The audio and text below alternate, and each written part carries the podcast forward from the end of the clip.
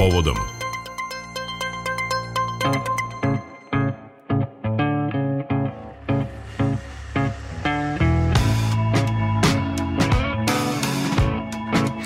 Danas u povodom govorimo o jednoj temi koja je nekako sve e, prisutnija i na ovim e, našim terenima.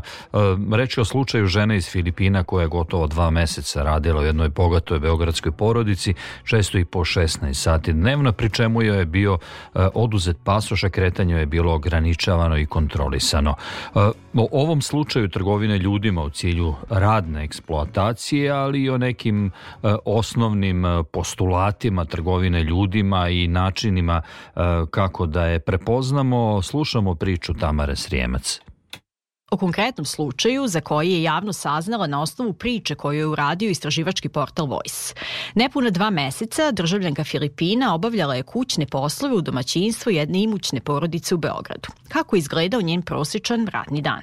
Na papiru, prosečan radni dan državljanke Filipina, koji ovde možemo da nazovemo Samantha, bio je prilično organizovan. Kada je došla u domaćinstvo, ona je dobila spisak radnih obaveza koje je trebalo da obavi u periodu od 8 sati ujutru do 4 sata popodne. To je uključivalo dakle čišćenje, spremanje, ribanje, usisavanje, pranje veša, peglanje i tako dalje.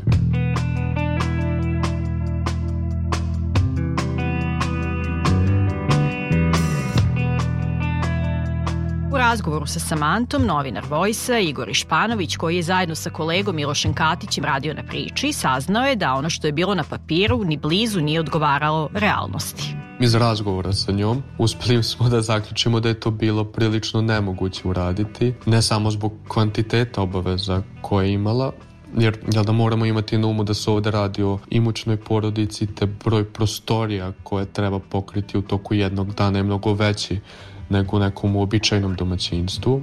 Već je problem bio uh, i kvalitet obaveza koji se od nje očekivao, standardi koje je morala da ispuni, detalji na koje je poslodavac obraćao pažnju. Ali tu smo i dalje na nivou papira.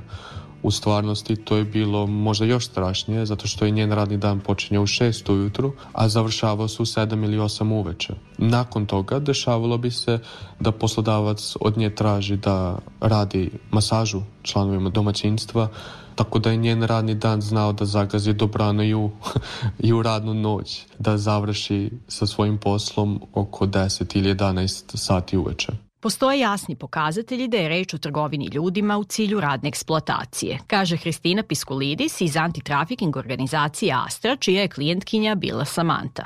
Najpre je sporan ugovor o radu koji je žena iz Filipina sklopila sa firmom Digital for Global koja se bavi online marketingom. Opis posla ne odgovara onome čime se ona realno bavila po dolasku u Srbiju. Interesantno je da je istovremeno pre dolasku u Srbiju imali kratak razgovor sa budućim poslodavcima gde je ukratko rečeno da će se baviti čuvanjem dece i da njen radni dan neće biti duži od 8 sati. Tako da je obmanuto u vezi sa prirodom posla, uslovima rada i života. Zatim znamo da je od strane poslodavca bio oduzet pasoš i vraćen tek nakon što je poslodavac nezadovoljan njenim opravdanim reakcijama na loše uslove rada i života, rešio da je pošalje nazad u matičnu zemlju. Dakle, sa jedne strane imamo oduzimanje pasoša od strane poslodavca. Međutim, to je u početku još bilo opravdavano time da je svakako na njemu bila obaveza, odnosno na advokatici koja je posredovala u ovom slučaju, da regulišu njen boravak u Srbiji. I u skladu sa time procedura je pokrenuta pri uh, upravi za strance u Beogradu, što to je neki proces koji ne bi trebalo da traje duže od mesec dana. Trenutak kada je sve počelo da se preokreće jeste kada je Samantha shvatila da ni posle mesec dana njoj nije izdata boravišna dozvola, odnosno rešenje u istoj. I kako je ona sama nama rekla u razgovoru, problemi su počeli kada je ona počela da traži svoj pasoš nazad. I tu je onda, jel da, sve krenulo nizbrdo.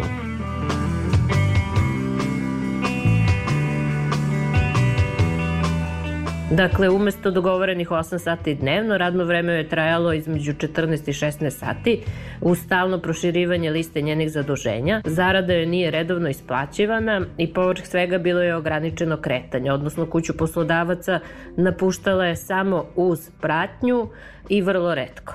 Ograničeno kretanja, bivanja pod prismotrom i dalje nemogućnosti raspolaganja svojim putnim dokumentom. Poslodavci, odnosno njihovi eksploatatori u ovim slučajima vrlo dobro znaju da na osnovu toga što im nije sređen uh, radno-boravišni status, mogu beskonačno da ih ucenjuju pričući im da će ih deportovati, prijaviti policiji i tako dalje. Zastrašivanje je uvek sastavni deo fenomena trgovine ljudima kao alat kojim se obezbeđuje poslušnost žrtve. Svoju putnu ispravu državljanka Filipina nije dobila nikada je stigla na aerodrom Nikola Tesla, a prisilan odlazak iz naše zemlje uspela je da izbegne uz pomoć vozača koji je nedugo pre toga napustio svoju poziciju u domaćinstvu beogradske porodice. To međutim nije tipična situacija. Najčešće je vrlo teško izaći iz eksploatisanog odnosa. Vrlo je teško, u većini slučajeva u potpunosti nemoguće. Mi mora da uzmemo u obzir da je u pitanju osoba koja je u stranoj državi, čiji jezik i običaje ne poznaje. Možemo i da se podsjetimo e, slučaje vijetnamskih radnika, sa njima je komunikacija dodatno bila otežana jer oni nisu znali ni engleski. E, srećom, e, naša klijentkinja sa Filipina sasvim solidno govori engleski, pa onda smo se lakše sporazumeli. Poređenje sa Ling Longom, odnosno slučajem eksploatisanja vijetnamskih radnika u fabrici pneumatika u Zrenjaninu, može se napraviti i u kontekstu fiktivnih ugovora. U oba slučaja radnici su sklopili nevažeće ugovore. Mnogo je sličnosti, kaže Hristina Piskolidis, s tim što je Ling Long, imajući u vidu broj potencijalno oštećenih, mnogo teži slučaj i pretpostavlja se da uključuje veću mrežu trgovaca ljudima i potencijalnih eksploatatora. Ono što je takođe indikativno i povezuje ova dva slučaja jeste da su i jednim i drugima bili oduzeta putna dokumenta, odnosno pasoši, pod izgovorom da je to način da im se sredi boravišna dozvola. Međutim, to je potpuna laž i to je zapravo način i prvi uh, onaj alarm da je najverovatnije u pitanju prevara. Osim toga, između ovog slučaja i slučaja Ling Long može se povući i paralela i na osnovu toga što su jedni drugi te prve vize za dolazak u Srbiju dobili u konzulatu u Džakarti, uh, koji zapravo pokriva Filipine, Vijetnam i uh, još neke od zemalja Jugoistočne Azije. To je takozvana D viza koja može da se izda i za uslov uslove zapošljavanja. Njeno trajanje od 90 do 180 dana i to je zapravo taj period u kome poslodavac i zaposleni treba da regulišu status određene osobe, odnosno njen radnoboravišni status u Srbiji. Interesantno je da veliki broj osoba koje su potencijalno eksploatisane su išle preko tog konzulata.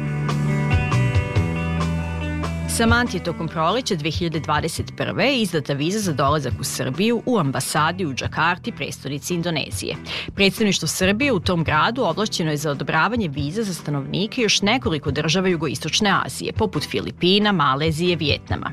Vojs je došao do podataka da je u periodu od 2016. do novembra 2022. godine ta ambasada izdala ukupno 717 viza državljanima Filipina. To je čak jedna petina od svih viza koje odobrila u čitavom tom periodu.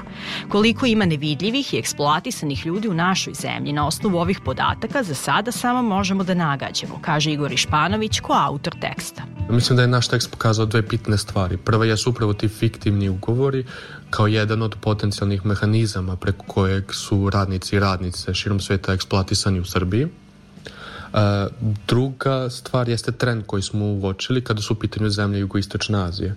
Dakle, mi smo od Ministarstva spolnih poslova dobili informaciju o tome e, koji broj viza e, je ambasada Republike Srbije u Džakarti, Indoneziji, izdala u periodu od 2016. do tada novembra 2022.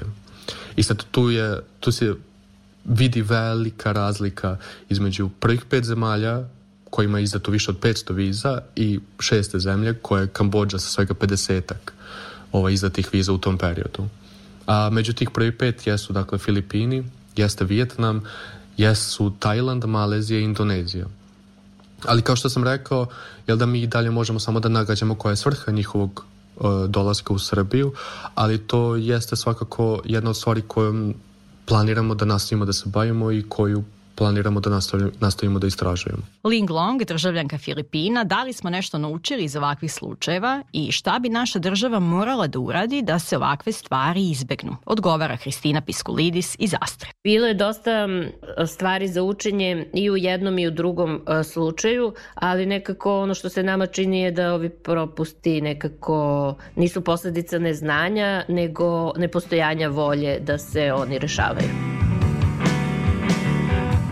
Mi vrlo često u slučajevima kad niko ko ima neki ozbiljan uh, politički ili društveni background nije upleten u slučaj, imamo primere da institucije vrlo dobro i u skladu sa zakonom i propisima zapravo obavljaju svoje obaveze. Međutim, u suprotnom kada među potencijalnim počiniocima postoji neko ko ima ozbiljnu društvenu i političku zaleđenu, onda nekako stvari idu mnogo sporije. Samanta je svoje iskustvo sa institucijama u Srbiji ispričala novinarima Vojsa. Samantino iskustvo sa institucijama u Srbiji je veoma negativno. I tako je, mislim, bilo od samog početka, dakle, od procedure za pribavljanje boravišne dozvole, koju ona nikada nije dobila, do trenutka gde ona odlučuje da izađe iz radnog odnosa i obrati se za pomoć Filipinskom konzulatu u Beogradu, gde su joj vrata mislim, bukvalno bila zatvorena. Odnos institucija prema Samanti najbolje odslikava proces kroz koji je ona prošla pri Centru za zaštitu žrtava trgovine ljudima. Dakle, ovaj postupak je ona pokrenula uz pomoć nevladine organizacije Astra, koju je podržavala tokom čitavog ovog perioda. I upravo je ova organizacija na kraju uočila brojne nepravilnosti koje je centar načinio na Samantinu štetu. Pod broj 1 tu su oni skrenuli pažnju na sekundarnu viktimizaciju koju ona doživela, e, zatim na prostor gde, se, gde su se razgovori obavljali, što nije bio prostor centra, već je bio prostor Ministarstva unutrašnjih poslova. Pored toga na jednom od sastanaka je bilo onemogućeno prisustvo Samantine punomoćnice, što nije bilo dozvoljeno. A na kraju krajeva Samanta, odnosno Astra, nikada nisu dobile E, nikada nisu dobile zvanično rešenje centra da ova nije identifikovana kao žrtva trgovine ljudima, već su tu informaciju dobili preko jednog telefonskog poziva i jednog veoma kratkog maila. U pitanju nije nepoznavanje obaveza ili ovaj, neispunjavanje radnih zadataka, već da su u pitanju neki drugi interesi kako bi se zataškala istina i kako niko ne bi snosio odgovornost za počinjeno krivično delo.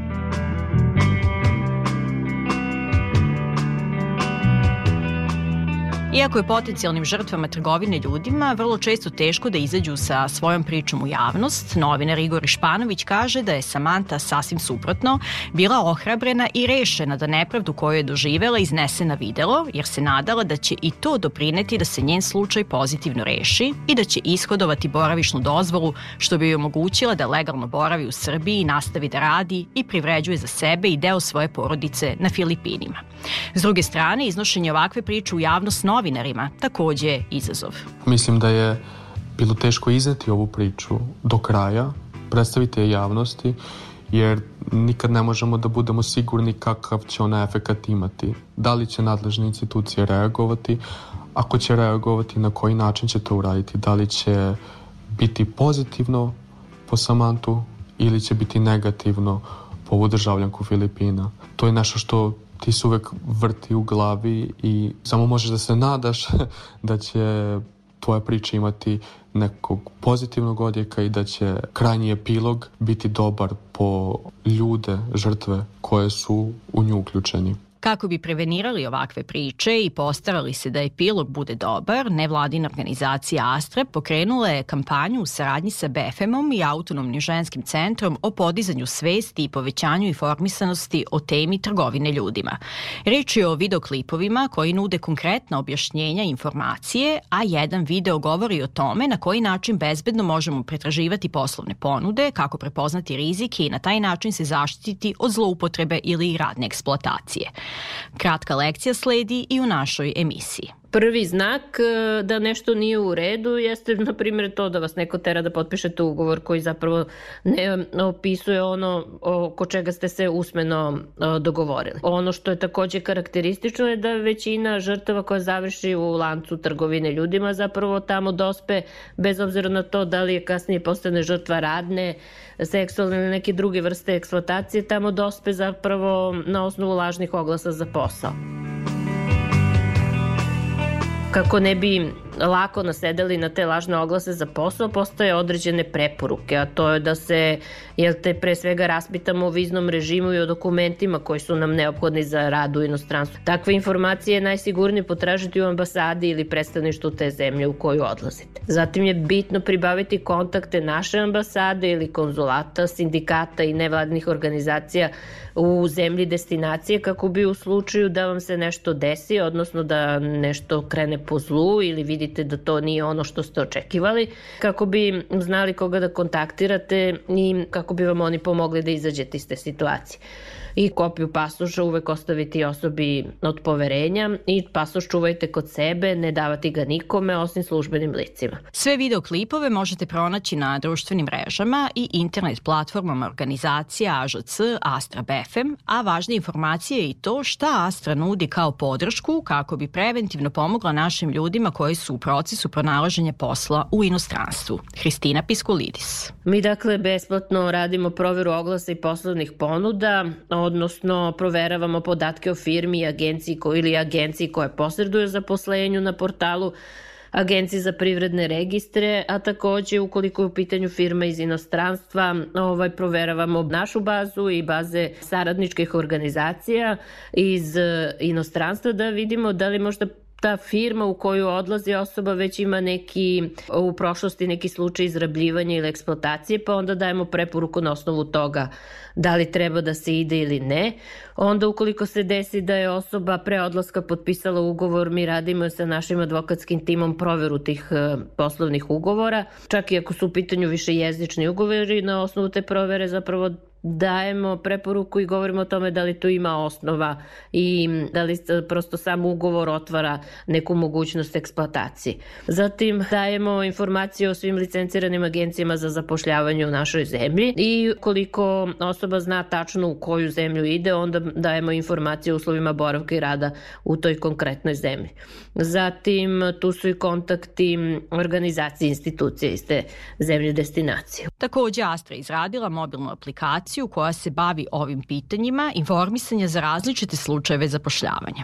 I u okviru nje su sadržane informacije koje se tiču zapošljavanja stranih državljana u Srbiji i zapošljavanju naših osoba u inostranstvu. Trenutno je obrađeno desetak top destinacija u koje naši ljudi najčešće odlaze u potrazi za poslom. Obrađeno je zakonodavstvo, na koji način treba sklopiti ugovor o radu, koje su naše obaveze ukoliko idemo u neko od tih deset zemalja, kako bi osoba bila spremna da onog trenutka kad se nađe u inostranstvu prosto zna šta je očekuje i na koji način da reguliše svoj pravno boravišni i radni status.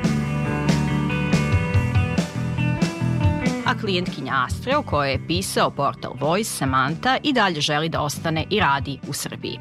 Međutim, ni do danas nije dobila rešenje o odobravanju ili odbijanju zahteva od policijske uprave za grad Beograd. Redakcija Voice uputila je zahtev za pristup informacijama od javnog značaja policijskoj upravi za grad Beograd u vezi sa izdavanjem rešenja za privremeni boravak državljanke Filipina. Zahtev je odbijen kao neuredan.